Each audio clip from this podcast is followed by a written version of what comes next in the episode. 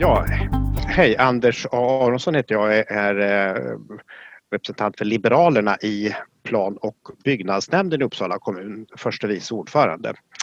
Eh, en eh, fråga som varit aktuell ganska länge och väldigt kontroversiell det är ju byggnation eller ytterligare bygge av bostäder i den så kallade Blodstensskogen i Eriksberg i Uppsala. Det var ju en lång process för att fastställa detaljplanen där och vi Liberalerna och med flera partier har varit emot att bygga i, i Blodstensskogen. Vi tycker inte att det är ett lämpligt område att bebygga. Eh, men majoriteten som bestod av Moderaterna, eh, Socialdemokraterna och Vänstern eh, och det var en, en, stor majoritet då, tyckte att det här ska vi ändå bebygga. Men vi reserverade oss mot detta när, när beslutet fattades i december 2018. Det var mycket opinionsarbete kring detta och många som var emot och naturligtvis överklagades då detta beslut. Och det gick till Länsstyrelsen och sedan till miljö och mark och miljödomstolen. Eh, och de har då eh, eh, jobbat med detta bra länge och nu har det blivit aktuellt igen det här ärendet faktiskt. Dels så ligger det en motion ifrån Feministiskt initiativ till Uppsala kommunfullmäktige eh, som de la för ett tag sedan om att avbryta byggplanerna. Eh, och eh, vi har sagt när vi har hanterat det här då i plan och byggnadsnämnden och sedan också Liberalernas representant i kommunstyrelsen att vi får ändå acceptera att beslutet har fattats med en, med en tydlig majoritet och Eh, då kan inte kommunfullmäktige efterhand, efterhand komma in och säga att det här ska vi ändra på. Vi har fått det här delegerat till plan och byggnadsnämnden.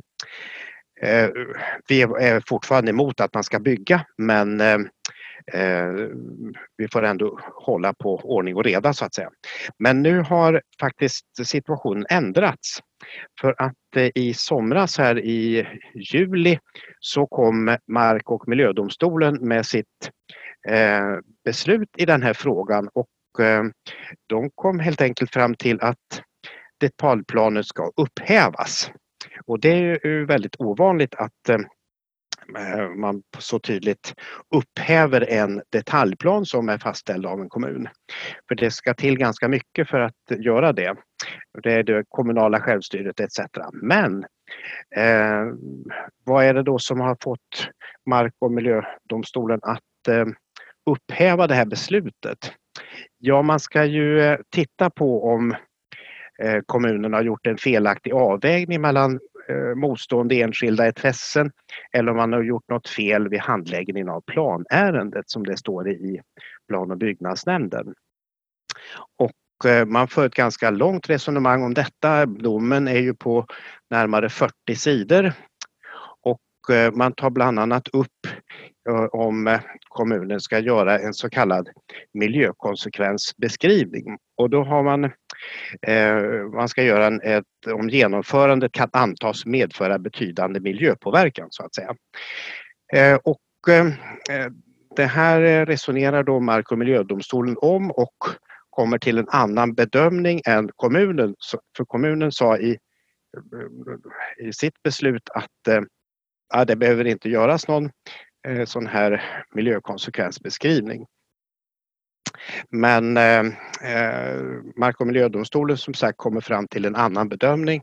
Att det är frågan om en sådan påverkan som avses i bilagan, bilagan till förordningen om miljökonsekvensbeskrivningar.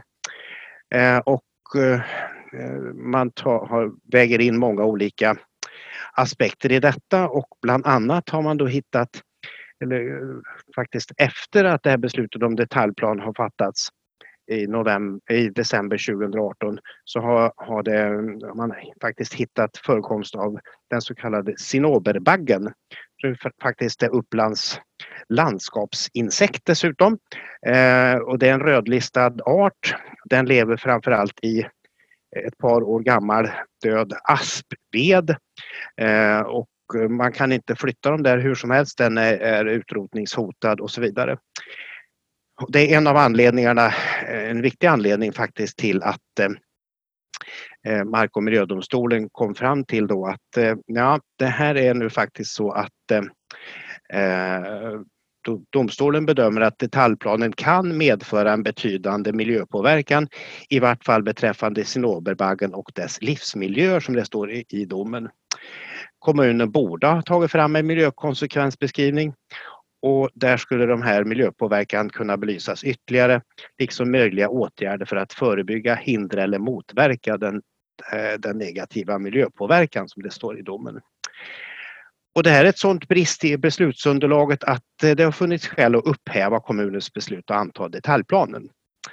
Ja, då är ju saken i lite annat läge när vi då kommer till kommunfullmäktige och förslaget om att kommunfullmäktige ska eh, yttra sig i frågan och säga att, att enligt förslaget i motionen då att byggplanerna i kvarteret Södra Kalkstenen ska avbrytas. Och eftersom vi faktiskt eh, i Liberalerna står för den ståndpunkten, vi är ju emot bygget där, så eh, har vi kommit fram till att okej, okay, Eh, nu finns det ju inte en detaljplan, den är upphävd av domstolen. Eh, och då finns det ingen anledning för oss att säga annat än att ja men visst, vi tycker ju att byggplanerna i, södra, i kvarteret Södra Kalkstenen i Eriksberg, att det ska avbrytas. Och då kommer vi att, att bifalla den, eh, det förslaget om att avbryta byggplanerna. Man måste ju stå för sin, sin uppfattning, särskilt som det nu är läge att eh, driva den linjen när detaljplanen är, upp, är upphävd. Så, så eh, är läget när det gäller byggplaner, byggplanerna i södra Blodstenskogen och beslutslägen och annat sånt. Eh, att vi nu tydligt markerar, precis som vi har gjort i hela processen, att vi är emot bygget i den så kallade Blodstenskogen. Så så eh, ställer sig Liberalerna i Uppsala till den frågan just nu.